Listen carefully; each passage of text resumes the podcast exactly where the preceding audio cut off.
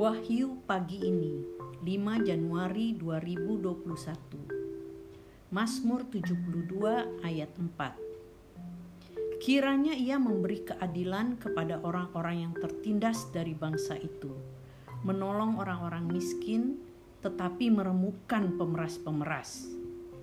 Saudara-saudari terkasih, harapan pemazmur terhadap sang pemimpin ini pasti juga menjadi harapan kita maka mari membawa harapan itu dalam doa-doa kita. Selamat pagi, Tuhan memberkati.